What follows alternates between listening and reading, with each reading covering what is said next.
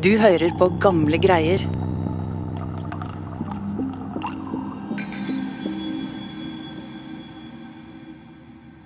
Alkoholen flyter fritt på et hotellrom i Oslo en høstdag i 1929. To menn drikker utover nattetimene, og de blir stadig mer beruset. Den ene er en 58 år gammel rik bonde på bytur. Den andre en 25 år gammel mann.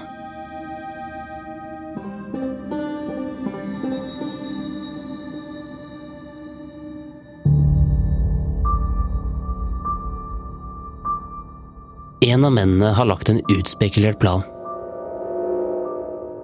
En plan som vil binde dem sammen, og som de senere må betale en svært høy pris for.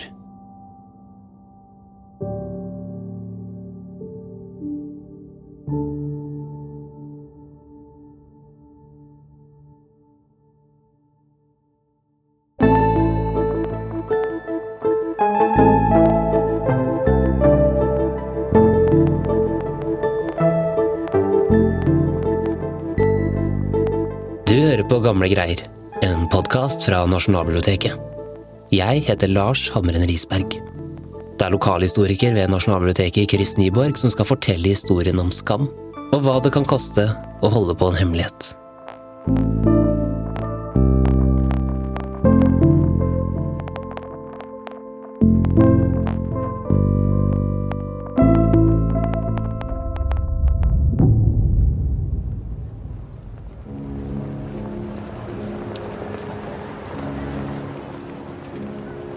En høstdag i 1929 rusla en rik, ugift bonde fra Odalen rundt i Oslo.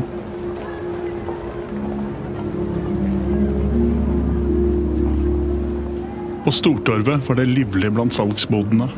Langs Karl Johan hasta travle byfolk under det store elektriske Freia-skiltet, mens lyden av trikken som skrangla i gatene, skar gjennom høstlufta. Hovedstaden var en stor kontrast til den lille bygda han kom fra. Den 58 år gamle bonden hadde tatt inn på hotell i Oslo og skulle nyte livet i storbyen et par dager. Han var kommet et sted i livet hvor han hadde godt med penger. Hjemme i Odalen var han en respektert mann.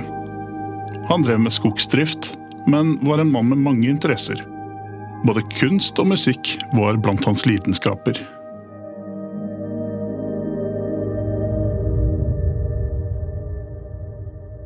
En dag under Oslo-oppholdet møtte bonden nevøen som bodde i byen, og jobba som sjåfør i Skøyens bilsentraler. Nevøen hadde for anledningen tatt med en kollega.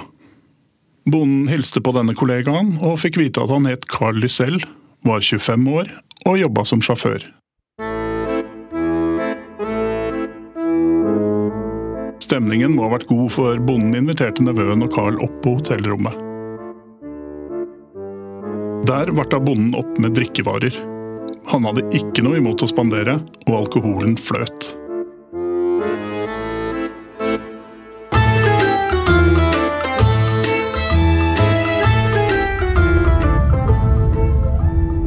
Etter en stund måtte nevøen takke for seg og forlot onkelen, som ble igjen på hotellrommet med Carl.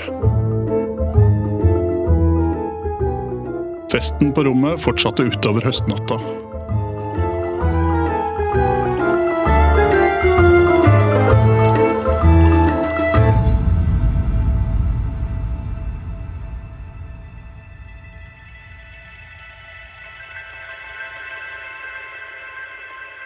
Det ble mindre og mindre i flaskene, og til slutt kunne ikke bonden holde seg på beina lenger.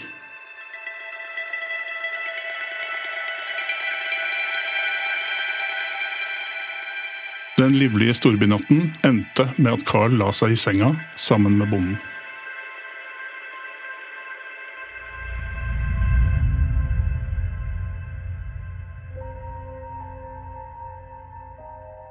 Morgenen etter flomma dagslyset inn i hotellrommet.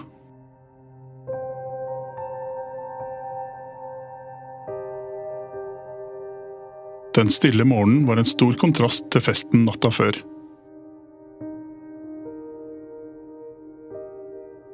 Carl forlot hotellrommet, men bonden skulle ikke reise hjem til Odalen helt ennå. Han hadde flere dager igjen på hotellet i hovedstaden.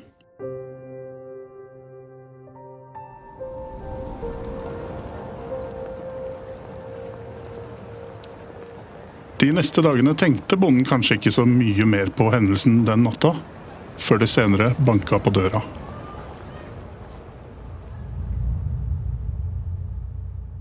Da bonden åpna, kjente han igjen mannen som sto utafor.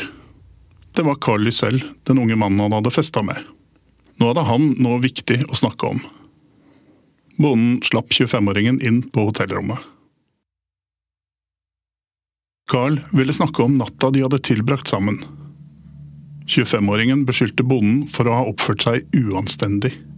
Nå var han dessuten helt sikker på at han hadde fått en kjønnssykdom. Og Carl var ikke i tvil. Det var bonden som hadde smitta ham.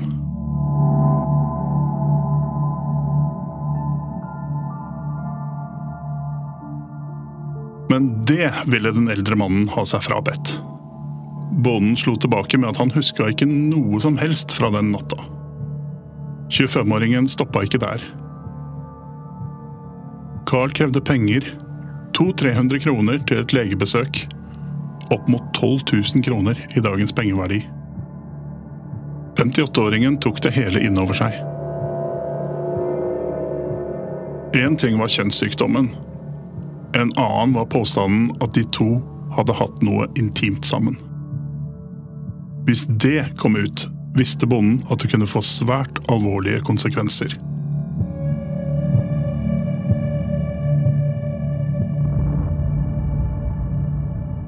Hans gode navn og rykte sto på spill. Og dessuten, seksuell omgang mellom to menn var straffbart. Det hele var dypt skammelig og ubehagelig. Ingen måtte få vite noe. Dette måtte aldri komme ut.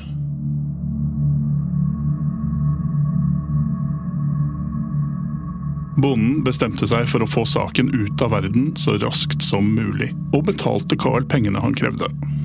Og med det forsvant 25-åringen ut av rommet, nedover gangen og ut av hotellet.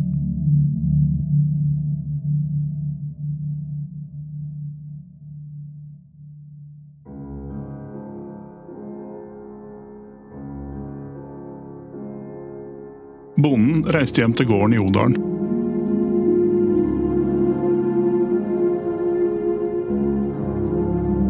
Ukene og månedene gikk.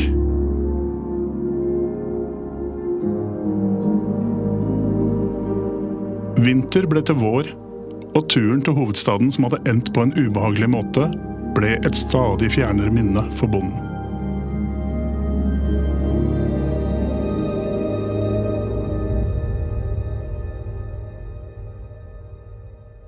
Men en dag i mai kom det et brev til gården, adressert til ham.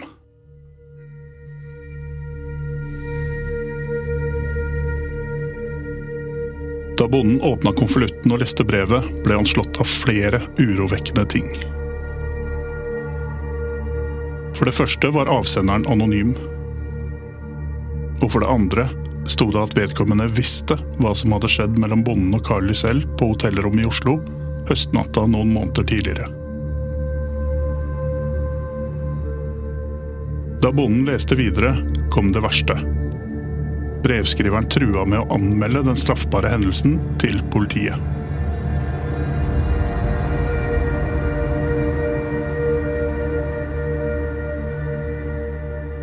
Men dette kunne bonden unngå, sto det videre i brevet.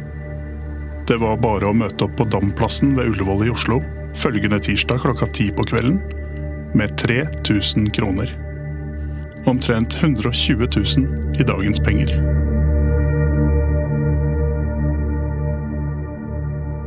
Med brevet i hånda må det ha føltes som om verden var i ferd med å rase sammen for bonden. Selv om han hadde gjort det klart for Carl at han ikke huska noe fra natta på hotellrommet, hadde jo 25-åringen insistert på at de hadde hatt sex. Ikke bare kunne politiet komme på døra og stille ham dyptgående og pinlige spørsmål, men hva med naboene i bygda? Praten ville vel gå raskt om folk så en politibil svinge inn på gården hans. Og kanskje det som var tyngst av alt, hans egen familie. Bondens gamle mor, som også bodde på gården, ville ikke tåle å høre om dette. Den forferdelige skammen ville være for tung å bære både for mora og for han sjøl.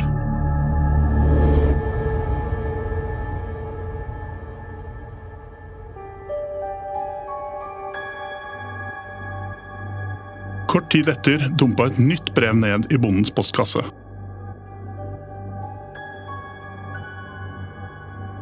Han åpna konvolutten og leste brevet. Denne gangen var det ingen anonym avsender, men signert med et navn bonden kjente igjen. Carl Lysell, mannen fra hotellrommet.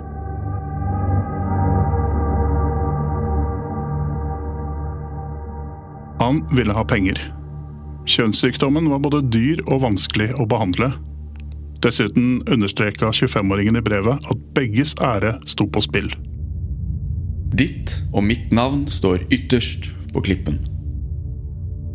Bonden ville ikke risikere at politiet ble involvert. Derfor betalte han det som ble krevd, og håpa at saken med dette ville være ute av verden, og at han endelig kunne legge hendelsen bak seg.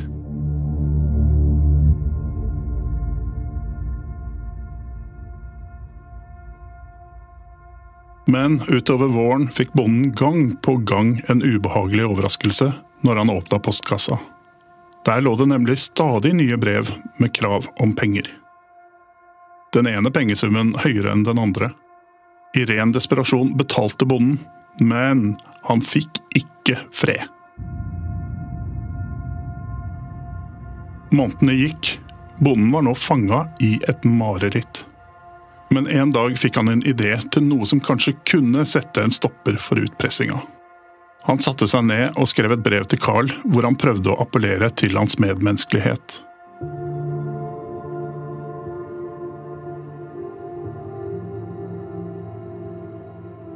Bonden trakk fram at han var i en veldig vanskelig situasjon, fordi han hadde en gammel mor som stadig ble sykere, og at hun måtte skånes for det hele. Kunne ikke Carl ta hensyn til en døende, eldre kvinne? Men da han kort tid etter gikk til postkassa, forsto han at han hadde begått en stor feil. For nå ble truslene fra Carl spissa. Hvis bonden ikke fortsatte å punge ut, ville den gamle, syke mora få vite alt. Så begynte det å komme brev med nye og ukjente avsendere.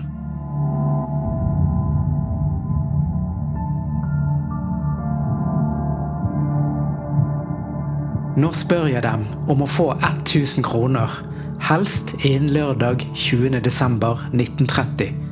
Ellers skal nok folk få vite hva slags menneske de er. Hilsen HM.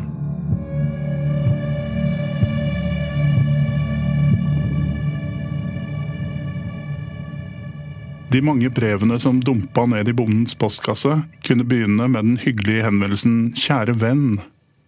Men bare få setninger etter kom det trusler om at brevskriverne gjerne ville komme på besøk til gården og hilse på hans mor, om de ikke fikk pengebeløpet de krevde.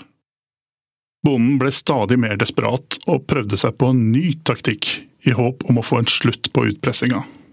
Han ignorerte rett og slett pengekravene. Svarte ikke på brevene, betalte ikke mer.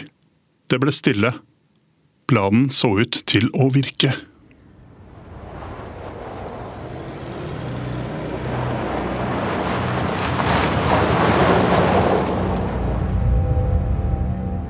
En dag rulla en ukjent bil inn på bondens gårdsplass i Odalen.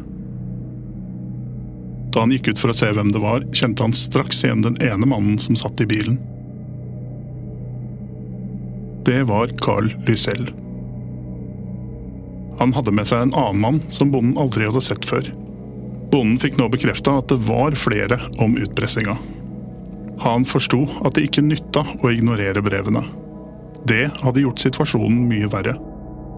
Nå hadde de faktisk gjort alvor av truslene om å komme til gården. De to mennene trua med å gå ut av bilen, finne mora og fortelle henne alt. Bonden betalte det de ville ha, og like etter svingte bilen ut fra gårdsplassen.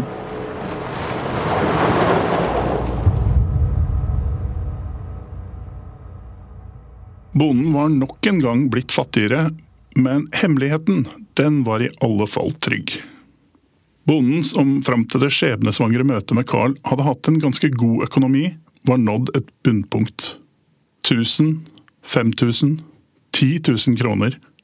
Beløpene bonden betalte ut var høye, og nå hadde han gått tom for sparepenger. Han måtte ta opp lån i bøndenes bank for å betale de nådeløse utpresserne.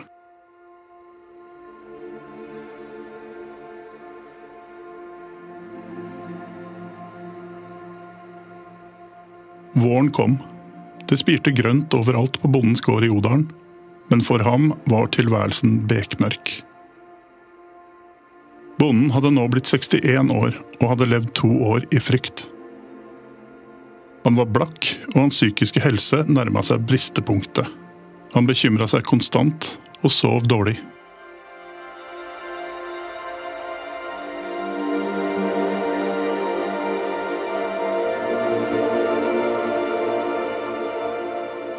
Bonden visste at han burde be om hjelp, men også det hadde en høy pris. Det ville innebære å fortelle et annet menneske om kvelden på hotellrommet, og den skambelagte handlingen Carl beskyldte ham for å ha utført. Og ikke minst måtte alt rundt den ydmykende og pinlige utpressinga fram i lyset. Han hadde jo gitt utpresserne alle sparepengene sine.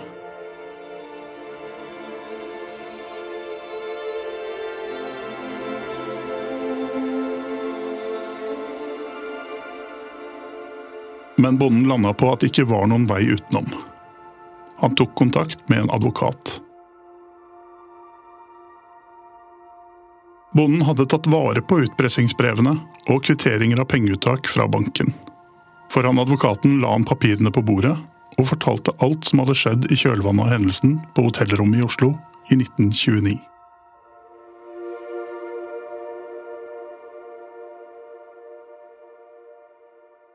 Etter å ha hørt bondens historie var advokaten ikke i tvil. Han råda bonden til å gå til politiet. Men bonden orka ikke alt som fulgte med en anmeldelse. Hans gamle mor kunne få vite om saken. Det ville han ikke risikere. Så advokaten øyna en annen mulig løsning. Han skrev et krast og alvorlig brev til Carly selv om at han ville bli politianmeldt hvis ikke pengeutpressinga stansa. En kveld like etter rulla det en bil opp på gårdsplassen i Odalen.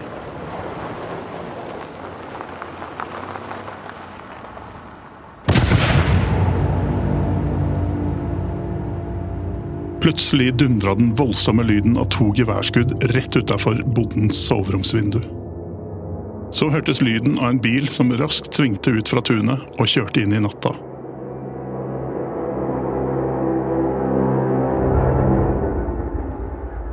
Naboer som hadde ilt til etter å ha hørt skuddene, kunne fortelle bonden at bilen hadde kjørt i retning Oslo.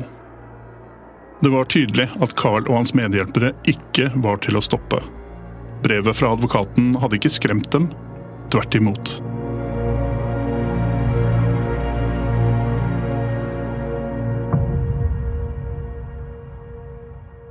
Bondens gamle mor hadde vært syk i lang tid, og han hadde betalt en høy pris for å holde hemmeligheten skjult for henne. Men en dag i midten av mai 1932 døde moren. Etter at hun hadde gått bort, ble bonden modigere. Nå ville han følge advokatens råd.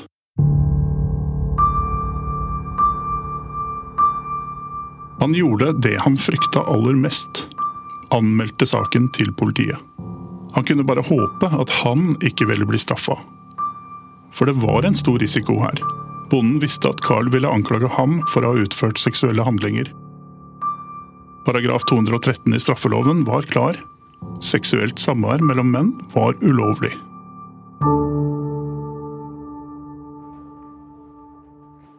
Da politiet ble involvert, fikk de vite alt som hadde skjedd i etterkant av natta på hotellrommet i Oslo. Omfanget og måten utpressinga som Carl og flere unge menn hadde stått bak i omtrent to år, gjorde inntrykk på politiet. For de oppretta raskt sak, og nå gikk det fort.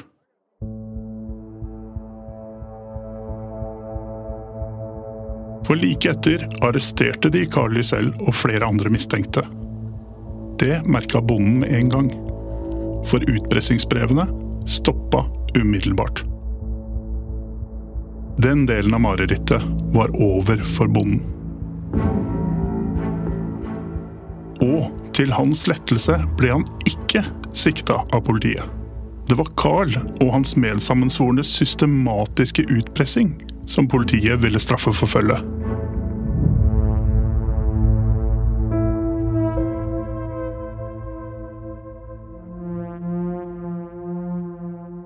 Men for bonden dukka nå et nytt og kanskje uventa problem opp.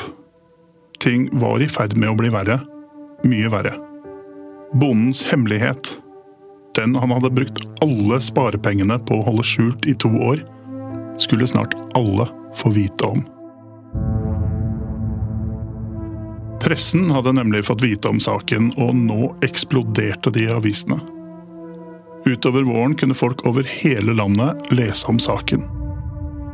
Dagbladet 23. mai 1932. Fire unge oslomenn arrestert for pengeutpressing tvang en skogeier til å betale 51 000 kroner. Men verst for bonden var det nok at lokalavisa skrev om saken.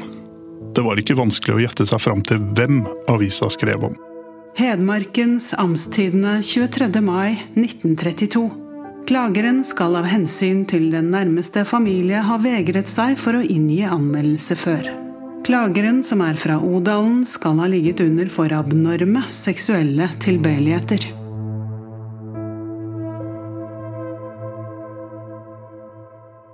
Men heldigvis for bonden var det ikke ham avisene fokuserte mest på.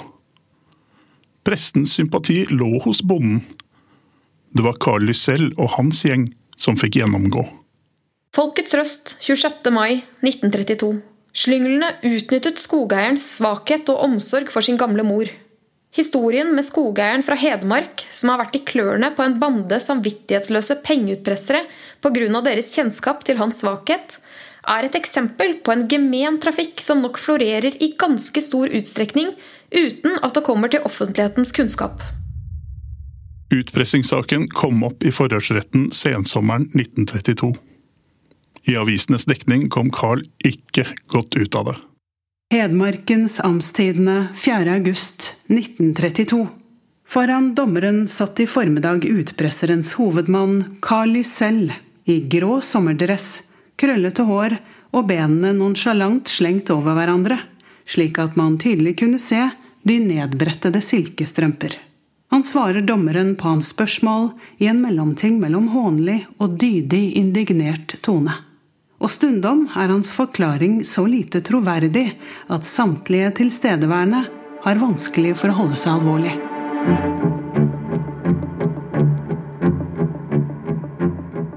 I tillegg til Carly selv var åtte andre menn i 20-åra tiltalt i utpressingssaken. I retten skyldte de på hverandre. Men én ting var klar. De hadde fått inn enorme summer fra bonden som de hadde sløst bort. Det kom bl.a. fram at de hadde spist på dyre restauranter, kjøpt to biler og reist til både Paris og Berlin for pengene. Saken var så spektakulær at den også nådde det norske innvandrermiljøet i USA. I avisa Nordisk Tidende, utgitt i Brooklyn, kunne norskamerikanere 8.9.1932 lese om hvordan retten hadde sett på Carl Lysell, som ble ansett å være hovedmann bak utpressinga. Han har utvist en kynisme og hjerteråhet som han vanskelig kan oppvise maken til. Da dommen falt i slutten av august 1932, fikk Carl Lysell den strengeste straffen. Carl ble dømt til tre års fengsel. De andre unge mennene i hans nettverk fikk kortere dommer.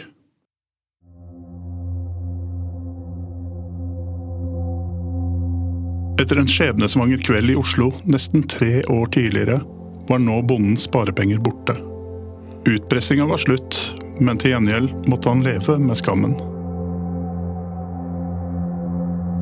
Etter å ha levd flere år i konstant frykt, knakk bonden fullstendig sammen. Han ble innlagt på en nerveklinikk og ble umyndiggjort.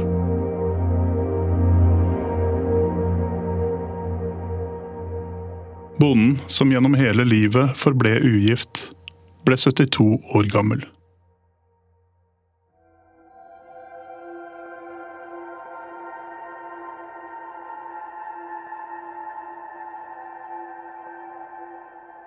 Bonden betalte over 51 000 kroner til Kali selv og hans medsammensvorne. Det tilsvarer rundt 2,1 millioner kroner i dagens pengeverdi. Bonden fra Odalen som nesten aldri ble nevnt ved navn i avisene, var ikke alene om å bli offer for kynisk utpressing på bakgrunn av seksualitet. Denne saken var bare én av flere saker i Norge på 1800- og 1900-tallet som ble omtalt i avisene.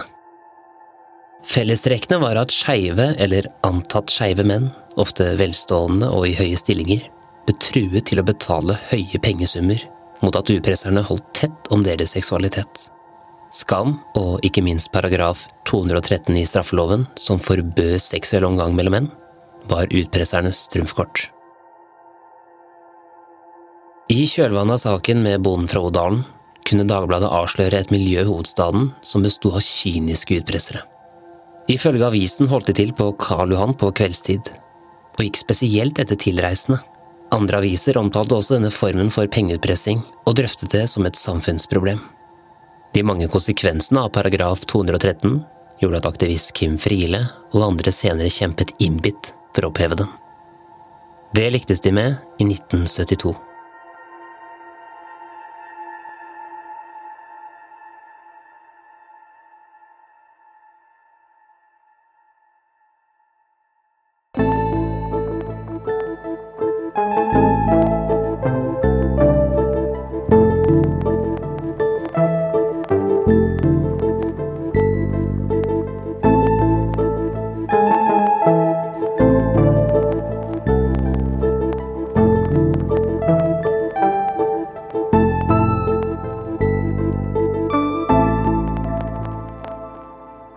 Denne episoden er laget av Dang Trind, Live Fjære Nilsen, Ina Slåtte Fjellhøy, Chris Nyborg og meg, Lars Hamren Risberg.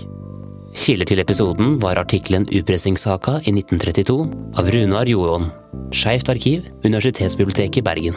Bøkene Masker og motstand, Diskré homoliv i Norge fra 1920 til 1970 av Hans V. Christiansen.